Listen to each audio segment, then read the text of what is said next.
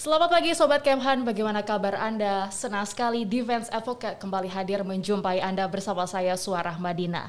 Nah seperti biasa selama 30 menit ke depan kita akan membahas terkait dengan topik tema yang begitu menarik terkait dengan Kementerian Pertahanan Republik Indonesia. Bagaimana puasanya hari ini? Lancar? Alhamdulillah dong ya untuk menemani pagi hari Anda tentu terkait dengan uh, pelaksanaan ibadah puasa kita harus menjaga imun, menjaga kesehatan, menjaga kondisi kita, terus semangat dan juga terus berolahraga. Nah, sesuai dengan uh, episode kali ini kita akan membahas terkait dengan kesehatan. Langsung saja yuk kita akan perkenalkan narasumber yang sudah hadir bersama saya pagi hari ini. Sudah ada Laksma TNI Dr. Ari Zakaria selaku Direktur Kesehatan Direktorat Jenderal Kekuatan Pertahanan Kementerian Pertahanan Republik Indonesia, singkatnya Dir Dirkes Ditjen Kuathan Kemhan RI. Selamat pagi dokter. Selamat pagi. Kayaknya kalau dokter ditanya kabarnya bagaimana nih? Sehat dok? Alhamdulillah sehat. Alhamdulillah sehat. Nah ini terkait dengan um, pembahasan yang sebenarnya kalau kita membahas tentang pandemi COVID-19. Ya. Ini sudah berjalan kurang lebih satu setengah tahun ya dok ya. ya. Katakanlah kita negara, uh, negara Indonesia ini masih uh, berada di posisi yang katakanlah belum aman seperti itu dari COVID-19. Yeah. Namun sebelum kita membahas terkait dengan strategi, terus langkah apa yang dilakukan oleh Kemhan di tengah masa pandemi ini, yeah. saya ingin bertanya dulu kepada dokter, bagaimana sih uh, pendapat dokter terkait dengan kondisi Indonesia saat ini di tengah pandemi? Ya kita seperti kehidupan lah ya. Kita harus lihat teman-teman yang lain kita bisa lihat selalu ada yang lebih jelek dari kita. Kita juga lihat selalu ada yang lebih baik dari kita. Kalau melihat dengan jumlah penduduk 270 juta, ya, dengan kondisi begitu beragam, dengan 17.544 pulau, Indonesia tuh ya tiap kali saya pertemuan di komunitas kesehatan regional ASEAN maupun luar negeri selalu dipuji. Mengapa? Indonesia selalu bisa bertahan dalam tiap pandemi. Dari flu burung maupun pandemi Covid. Dan bahkan kadang-kadang mereka bertanya, ah benar tuh Indonesia cuma segitu angkanya. Yang lain aja berat segala macam semua. Kami pun kadang-kadang tidak bisa menjawab. Tapi dikatakan baik, dengan beban, dengan situasi kondisi Indonesia, kita harus bersyukur. Ya. Angka kita COVID di angka berapa sih? Satu jutaan sekian. Bayangkan mengatur 17.500 pulau. Sekian suku bangsa, sekian beragam, sekian pintu masuk. Ya. Ini kita masih hebat. Kita sampai sekarang belum masuk gelombang kedua, ketiga, belum.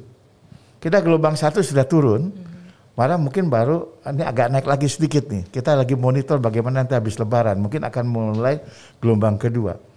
Negara yang lain, Eropa, Korea, Jepang, itu udah gelombang ketiga malah. Ya. Begitu beragamnya. Kadang-kadang kita juga nggak ngerti. Kenapa Indonesia agak lain. Tapi itu saya bilang, kita harus selalu bisa bersyukur banyak negara yang lebih berat dari kita. Yang paling sekarang dapat sorotan adalah India. Karena India dengan penduduk 1,3 miliar dan menurut uh, dugaan dalam waktu 5-10 tahun dia akan mengalahkan penduduk Cina. Sekarang sedang hebat-hebatnya.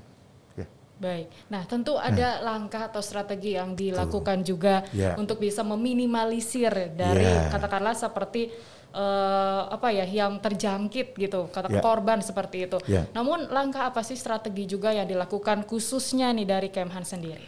Nah, di negara kita juga seperti negara lain. Kalau berbicara kesehatan, maka leading sektor adalah Kementerian Kesehatan Nah, di mana fungsinya Kemhan? Kesehatan zaman sekarang tidak bisa hanya dilihat di bidang kesehatan. Karena kesehatan pun mencampuri bidang pertahanan. Dulu kita ancaman itu ancaman perang. Sekarang ada namanya ancaman siberne. Kita kenal dulu dengan istilah nubika, nuklir biologi kimia. Sejak 15 tahun yang lalu berubah jadi CBRNE. Chemical, Biological, Nuclear, Radiation, and Explosive. Nah, dari semua ancaman itu, yang paling berbahaya adalah biological. Itu yang disebut dengan biothreat. Hmm. Ya. Kenapa demikian, dok? Ya, karena ancaman dengan biologi susah deteksinya. Nuklir, kita punya alat peringkat nuklir dan kita tahu siapa yang punya nuklir. Hmm. Kita mulai dari mana? Lihat film Mission Impossible. Kita mulai dengan film Chimera. Ya, teroris cukup masukkan virus ke badannya, kemudian disebarkan ke bukan main. Gimana deteksi virus di dalam tubuh? Nggak bisa. Ya. Pandemi sudah berjalan berulang. Dulu awalnya dunia mempercayakan itu pada WHO, World Health Organization, Badan Organisasi Internasional di bawah PBB yang menangani tentang kesehatan. Ada yang namanya IHR, International Health Regulation, yang mengatur tentang karantina segala macam semua. Tapi IHR ini adalah voluntary. Negara yang sanggup silakan mengerjakan. Yang tidak belum tentu. Hmm, baik. Kalau nah. seperti itu tentu kan di awal tadinya Betul. sebelum uh, masa pandemi ini masuk ya. ke Indonesia, ya. tim dokter misalnya ya. dokter juga tentu uh, punya tim tersendiri Betul. melakukan survei ya. apa. Ya. Nah, itu apa yang dilakukan pada saat awal kemarin? Nah, concern ini merubah pendekatan tentang kesehatan khususnya pandemi. Amerika 2015 memulai inisiatif yang disebut dengan Global Health Security. Jadi health masuk topik security. Di sinilah kedokteran militer, kami kesehatan-kesehatan yang dokter-dokter di militer berkumpul bahwa kesehatan sekarang bukan hanya domain orang sipil, tapi juga berkaitan dengan pertahanan. Nah kita udah membicarakan tentang Ebola segala macam. Dari 2-3 tahun yang lalu kita bilang, kalau terjadi pandemi yang baru, apakah kita siap? Sampai itu menjadi satu topik di majalah Time. New pandemic, are we ready? Jawabannya adalah no. Karena itu begitu 2000 eh, tahun 2019 ya. 31 Desember kami selaku dokter militer, saya selaku Direktur Kesehatan Kementerian Pertahanan, kami ada grup saya ada grup ASEAN Center Military Medicine yang mencakup orang-orang kesehatan di semua Kementerian Pertahanan ASEAN. Kami juga ada grup namanya ICMM, International Committee Military Medicine, yang isinya adalah kapuskes-kapuskes orang-orang kesehatan di seluruh dunia. Begitu ada kabar itu, ya kita monitor aja apa yang sebenarnya terjadi di Wuhan. Baik. Baik, lalu uh, hmm. tentu kalau kita sudah katakanlah sudah terjerumus ya. lah gitu ya, sudah ya. masuklah akhirnya virus ini Betul. ke Indonesia. Tentu ya. ada antisipasi apa dan juga langkah-langkah yang dilakukan ya. untuk bisa meminimalisir. Apa Betul. sejauh ini yang dilakukan, Dokter Ari? Jadi Januari 2020 kami membuat rapat semua kesehatan baik militer maupun sipil di Kementerian Kesehatan. Kami minta perketat semua jalur-jalur masuk karantina. Kami siapkan Siap nggak rumah sakit? Bagaimana penanganan? Ternyata tidak siap. Siap nggak kita punya lab? Ternyata lab yang bisa memeriksa virus macam cuma lab Kesda di Jakarta. Sama ada lab Eijkman. Sama lab ada di tropical uh, medicine ya, UNER. UGM juga berapa. Tapi cuma segitu. Kita nyiapkan. Nah begitu Maret diumumkan kasus pertama ada di Depok, ya maka kita mulai rapat di bawah koordinasi Kemenko PMK. Karena kesehatan di bawah Kemenko PMK. Kami selaku uh, Direktur Kesehatan Kemhan tentu diundang. Karena itu saya katakan di domain kita udah udah di, mengerti tentang yang disebut dengan health security. Ya. Jadi pertanyaannya, ini bukan lagi domain kesehatan. Siapa yang bermain? Nah, kita bikin tim. Nah, dari tim itu gabungan terus Siapa leading leader sektornya? Ternyata aturan kita mengatakan bahwa semua bencana di Indonesia, leading sektornya adalah BNPB, Badan Nasional Penanggulangan Bencana. Tapi BNPB ini selama ini lebih banyak menangani bencana alam. Sementara kalau bencana seperti pandemi itu bukan bencana alam. Itu bencana bisa buatan, ya. Tapi kita sejauh ini menyebutnya ya. apa dokter? Dan kita nyebutnya udah tahu. Hmm. Sampai saat ini WHO tidak pernah memutuskan atau menyebutkan sumber pertamanya dari mana. Okay. Awalnya dari Wuhan. Dia tidak bisa mengatakan apakah ini suatu mutasi hmm. normal dari virus yang ada di binatang. Pertanyaannya, kenapa dia nyerang manusia? Binatang apa yang disalahkan?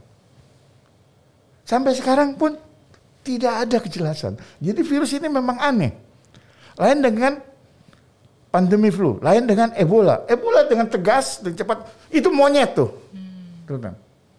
Pandemi flu itu jelas tuh, burung, unggas, virus COVID. Banyak hal yang kita nggak ngerti. Oke, yang paling ya. penting adalah kita harus tetap menjaga kesehatan. Betul, itu ya. sih yang paling penting apa pun yang terjadi. Nah, gitu ya, karena ya, itulah kami melakukan koordinasi antar kementerian, termasuk Kementerian Pertahanan. Di bawah Baik. leading sektor adalah BNPB, meliputan Kemenkes, meliputan Kementerian Luar Negeri, Kementerian Dalam Negeri. Karena ingat, kalau sudah masuk perbatasan selama macam itu bukan hanya urusan kesehatan. Hmm. Ini urusan semua. Inilah yang kita bicarakan bagaimana awalnya. Nah, akhirnya kita dapat kesimpulan yang utama kita kejar waktu itu kita jual 3M. Mm-hmm. Ya. Ingat, yang pertama kali aja dulu, masker aja kita masih kontroversi kan. Oh jangan pakai masker. Enggak, masker itu buat yang sakit aja. Tapi setelah WHO mendeklar, oh negara misalnya waktu itu saya masih ingat tuh, Cekoslovakia, hanya dengan pakai masker kain aja bisa menurunkan. Maka masker for all. Dan itu digencarkan bukan hanya Indonesia, seluruh dunia. Masker for all bikin tag. Semua pakai masker, nggak peduli sehat nggak sehat, nggak peduli uh, maskernya cuma kain atau macam, pakai masker dulu. Berarti bisa dikatakan uh, ya. COVID-19 ini dimulai dari pernafasan dulu gitu ya? Karena Betul, kita memang harus karena kita tahu masker. yang diserang adalah paru-paru, hmm, okay. paru-paru. Makanya penularan pertama ini penjaganya masker. Kemudian kita gerakan jadi 3M. Virus ini ternyata walaupun nyebar cepat bikin kematian, bisa dicegah dengan mencuci tangan. Ya kan? Dan kemudian jaga jarak. Maka setelah gerakan Masker for All, timbul gerakan yang kita kenal dengan di Indonesia 3M. Mm-hmm. Ya, pakai masker, cuci tangan, menjaga jarak. Oke, dan biasanya juga ingat pesan ibu. Ya, gitu itu kita buat ingatkan. Kenapa? Karena di kultur masyarakat kita ibu adalah yang dihormati. Hmm. Jadi pakai embel-embel pesan ibu. Jadi ingat. Tapi itu untuk masyarakat umum. Nah, kalau untuk organisasi-organisasi, kementerian, ke fasilitas rumah sakit segala macam, kita tegakkan yang disebut dengan 3T. Pertama ada tracing. Hmm. Jadi begitu positif kejar tuh, dia kontaknya ke mana? Kontak ke siapa aja? Segala macam semua timbullah kita di medsos ya bagaimana Singapura segala macam wah hubungan selingkuh aja bisa ketahuan. Ya Singapura satu kota kita ini 270 juta. Ya. 17.510 mau deteksi dari mana? Tapi kita jalankan tracing. Ya kan? Kemudian setelah tracing orang yang kita duga kontak lakukan testing namanya tes maka untuk bisa tes, alat diadakan dulu. Udah adakan waktu kan rapid test gimana cepetnya. Antibody dulu yang ada kan. Baru lama-lama udah berkembang bisa buat yang antigen. Tes. Kemudian awal-awal kan masih pusing. Lah yang bisa periksa seperti saya katakan tadi. Belum siap kan. Labnya Bali Bangka cuma ada di Jakarta. Untuk ngirim dari luar Jawa aja setengah mati. Belum ngirimnya. Ikman udah siap. Lembaga akhirnya bangun secepat mungkin lab-lab segala macam. Sehingga yang kedua setelah tracing, testing. Nah tracing ini tidak bisa diserahkan orang kesehatan. Kita minta puskesmas. Puskesmas masuk ke daerah itu nggak gampang, minta bantuan TNI. Kita gunakan lah babinsa lah, kita gunakan lah segala macam semua orang-orang. Ya. Ada tracing, tes dan tes. Satu lagi yang terakhir adalah treatment. Jadi kalau sudah tes positif, ya diterapi. Hmm Nah terapinya sendiri apa? Semua juga bingung nih virus jenis apa. Ya. Virus pertama di Wuhan, dulu kita kenal cuma awalnya, oh udah kita sebut aja lah virus A. Dalam waktu nggak sampai sebulan masuk Singapura. Ternyata strainnya beda dengan yang di Wuhan. Mereka sebut virus B. Nggak sampai seminggu kemudian masuk Australia. Loh, kok beda juga strainnya? Hmm. Dari sekuen itu. Kita sebut virus C. Lalu yang sampai ke Indonesia? Ya. Nah begitu masuk di Depok. Bu, kita pikirkan ya, mestinya kalau nggak Singapura, Australia dong. Mm-hmm. Ya, A, B, C. Bukan. Strainnya lebih lagi. Kita D. Wow. Sekomplikated itu ternyata ya. ya Jadi ternyata virus uh-huh. ini berubah. Itu membuat semua ahli bingung. Baik, baik. Nah. Baik, uh, lalu tadi juga di awal ya. dokter ya. menyampaikan uh, ada beberapa negara khususnya di Eropa ya. gitu sudah uh, mencapai ke gelombang ketiga. Ya. Nah, mungkin uh, ini info juga kepada sobat Kemhan. Apa ya. sih perbedaan antara gelombang satu, kedua, dan ketiga? Apakah juga nanti Indonesia ada indikasi muncul gelombang kedua dan ketiga? Jadi mereka rata-rata kan naik ya ke atas. Begitu dibuat kurva itu grafik harian, kelihatan naik Kemudian dengan ditemukan pengobatan segala macam semua, ya, biasanya ada lima spesialis yang nangani di Indonesia itu ya, dokter spesialis paru, penyakit dalam, anak, anestesi karena itu udah masuk ICU, uh, eh, saya lupa lagi, kardiologi ya. Mereka bikin kayak berdasarkan laporan-laporan penelitian-penelitian, semua negara berusaha meneliti, ya, menyesuaikan dengan regionnya, yang kemudian dilaporkan ke WHO, WHO akan ngecek Oke nih proyek ini bisa dipakai. Nah, karena banyak negara sana kan negara Eropa kan sebenarnya kecil, ya kan? Inggris sampai ke batas Turki kan sama dengan Indonesia. Nah kan begitu naik puncak dia bisa tangani dan sistem kesehatannya sudah memadai, asuransinya berjalan, dia turun. Nah begitu turun ini, ya, itu kita sebut satu gelombang. Tiap negara berbeda, ada yang cuma tiga bulan, ada yang tergantung berapa cepat dia kuat. Nah begitu turun sama seperti orang kita orang mulai lengah kan, wah udah teratasi lah lah, sudah normal kayak aja. Gitu ya. Tiba-tiba masuk strain baru, tiba-tiba terjadi perubahan mutasi dari strain virus, naik lagi. Jepang Korea kalau untuk Asia yang paling cepat tertangani, macam kan dia kan pulau dan ketat. Korea kan semi militer. Vietnam lebih hebat lagi malah hmm. nutup. Turun naik lagi. Bingung, loh kok naik lagi? Ya, akhir-akhir ini juga saya dapat ya kan? foto beberapa nah, negara Asia. Dia bikin pelatihan lagi kan, tangani lagi, disesuaikan dengan gen mereka. Ya, mulai vaksinasi turun lagi. Nah, totok timbul strain-strain yang baru yang sekarang. Yang strain Inggris lah B117, strain Afrika Selatan, strain ini yang menimbulkan gelombang ketiga. Nah kita, gelombang satu itu baru turun sejak mulai vaksinasi baru mulai Desember Januari itu udah mulai senang baru sekarang baru mau naik jadi kita nggak tahu apakah data kita yang ya tidak semua kita tahu karena begitu beragam yang kompleks itu Baik, apakah uh, dengan adanya vaksinasi kita hmm. katakan hmm. berarti terjadi penurunan gitu di gelombang pertama ini? Apakah ya. efektifkah dengan kemunculan vaksinasi yang dilakukan juga oleh pemerintah? Nyatanya efektif. Semua kasih grafik efektif. Hmm. Tapi kan baik lagi pertanyaannya. Ya. Vaksin mana yang efektif? Kita kan pertama di uh, dikatakan, loh kok Indonesia beli vaksin Cina? Betul vaksin Cina, efektivitasnya tidak begitu tinggi.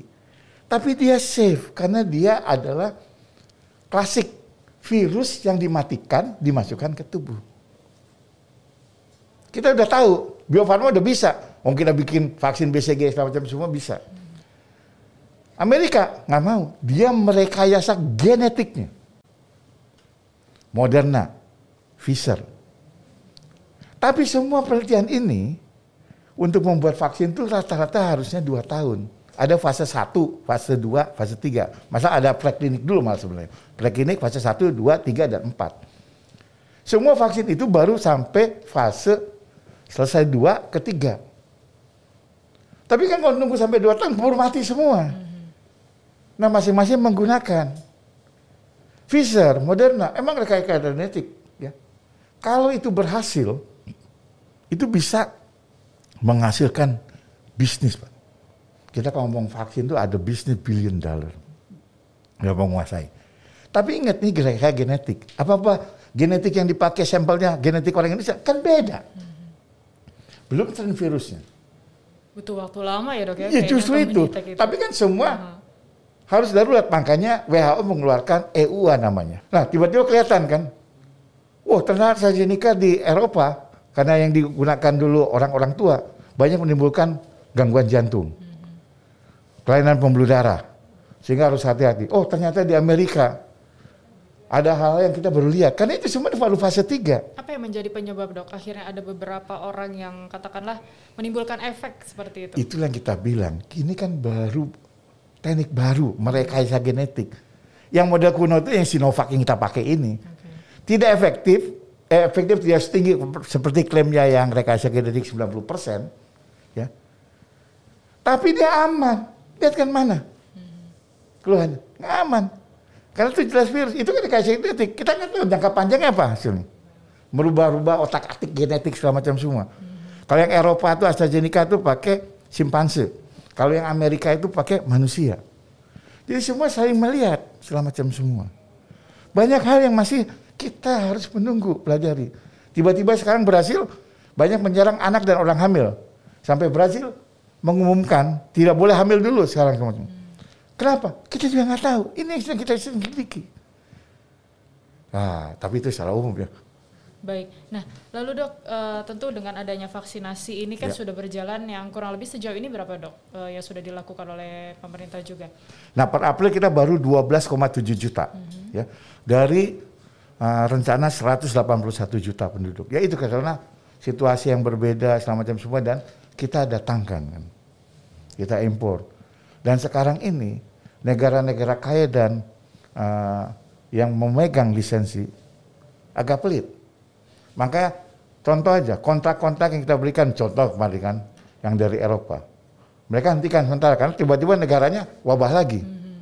Baik, nah ya. tapi kan uh, tentu sebenarnya pemerintah juga memfasilitasi Betul. kita diberikan secara gratis, ya. seperti itu. Ya. Namun terkadang masyarakatnya hmm. sendiri yang masih kurang aware terhadap itu. Nah mungkin uh, Dokter Ari juga bisa ya. memberikan informasi nih kepada sobat Kemhan agar mereka juga, ayo dong vaksin karena sebenarnya tidak memiliki efek apa pun, apalagi kalau kita menggunakan Sinovac itu benar-benar aman gitu ya dok ya. Ya, ya. masalahnya kan tingkat pendidikan hmm. masyarakat kita sangat beragam hmm. ya itu makanya kita nggak bisa kayak Singapura yang tingkat pendidikannya tinggi segala macam semua lebih homogen kita nggak gampang nah terus kalau pertanyaannya terus Kemhan bagaimana Kemhan dengan TNI gabung mensupport apa pun yang diputuskan oleh BNPB selaku leading sektor dengan Kemenkes ya mereka butuh apa Wah kami kurang rumah sakit segala macam. Kemhan bangun, Wisma Atlet. Kemhan bangun, rumah sakit darurat infeksi di Pulau Galang. Kemhan bangun waktu itu Surabaya kan sampai zona hitam bukan merah lagi sebutnya. Bikinlah rumah sakit lapangan di Indrapura Sidoarjo. Tenaganya kita kuatkan. Rumah sakit kami bangun. Nah Kemhan ngapain? Kemhan cari anggarannya. Alihkan semua anggaran-anggaran itu buat penyediaan alat COVID Keman TNI ada 110 rumah sakit. Kami tingkatkan kemampuannya. ICU-nya tambahin, segala macam semua. Ya. Kita mobilisir. Nah itu semua di Kemhan. Nanti yang jalankannya adalah rumah sakit lagi TNI. Kemhan cuma punya satu rumah sakit, rumah sakit Suwoto. Oke. Ya. Kalau untuk yang di daerah-daerah seperti apa tuh dok?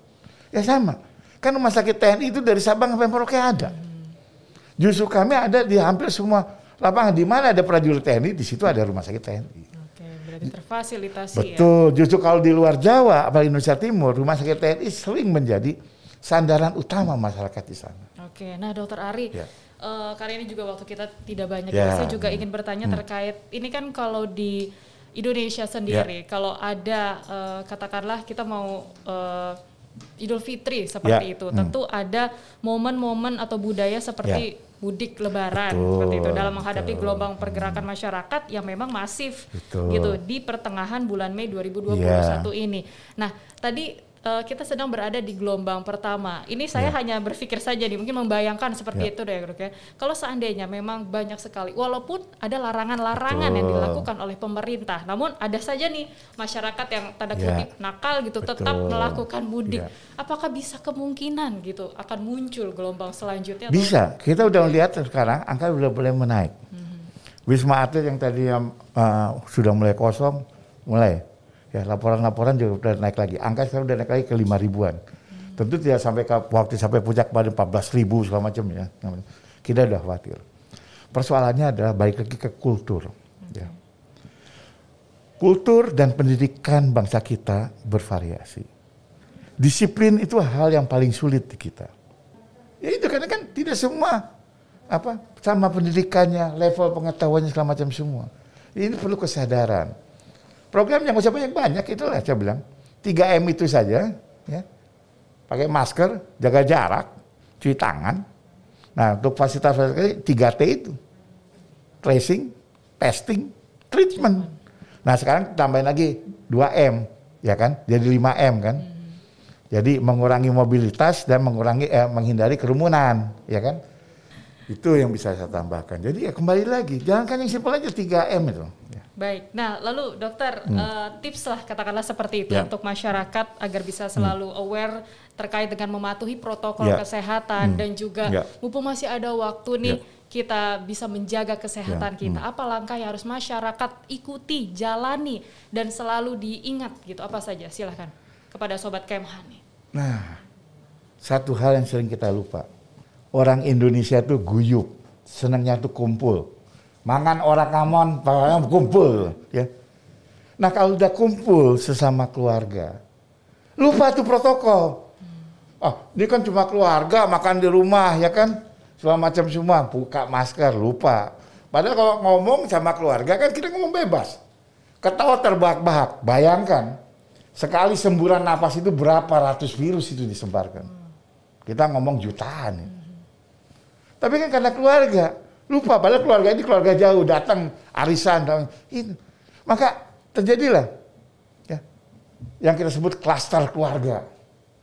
Klaster pengajian, klaster arisan, klaster ulang tahun. Ya. Kantoran juga ya. Ya, mm-hmm. ya.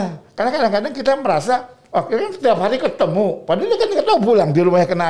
Kena dari rumah bawa ke kantor. Hmm. Lupa ini masker, ya kan?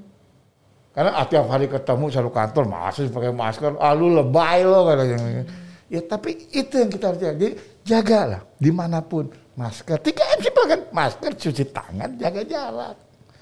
Tapi itu nggak gampang dijalankan. Betul. Gitu. Yang paling penting adalah pola pikir masyarakat Betul. ini harus terbuka. Bahwa virus belum selesai, hmm. COVID belum berakhir. Masih ada di sekeliling Masih kita. Masih ada, waspada. Jaga, jaga kesehatan Betul. dan waspada. Baik, dokter terima kasih sama, sudah menyempatkan waktunya hmm. nih obrolan yang sebenarnya menarik sekali. Ya kayaknya 30 menit gak cukup nih kalau ngobrol sama dokter ya. Ya, karena COVID sangat beragam sekali. Oke, okay, dan yang paling penting adalah ya. apalagi di ibadah ya. puasa ini yang sedang menjalankan ya. tentu harus menjaga imun lebih banyak lagi, Tuh, berolahraga ya. Hmm, ya. dan juga yang paling penting protokol kesehatan 3M, ya. memakai ya. masker, menjaga jarak. Tapi jangan lupa, jangan terus olahraga berkerumun pakai sepeda jadi klaster ya. lagi.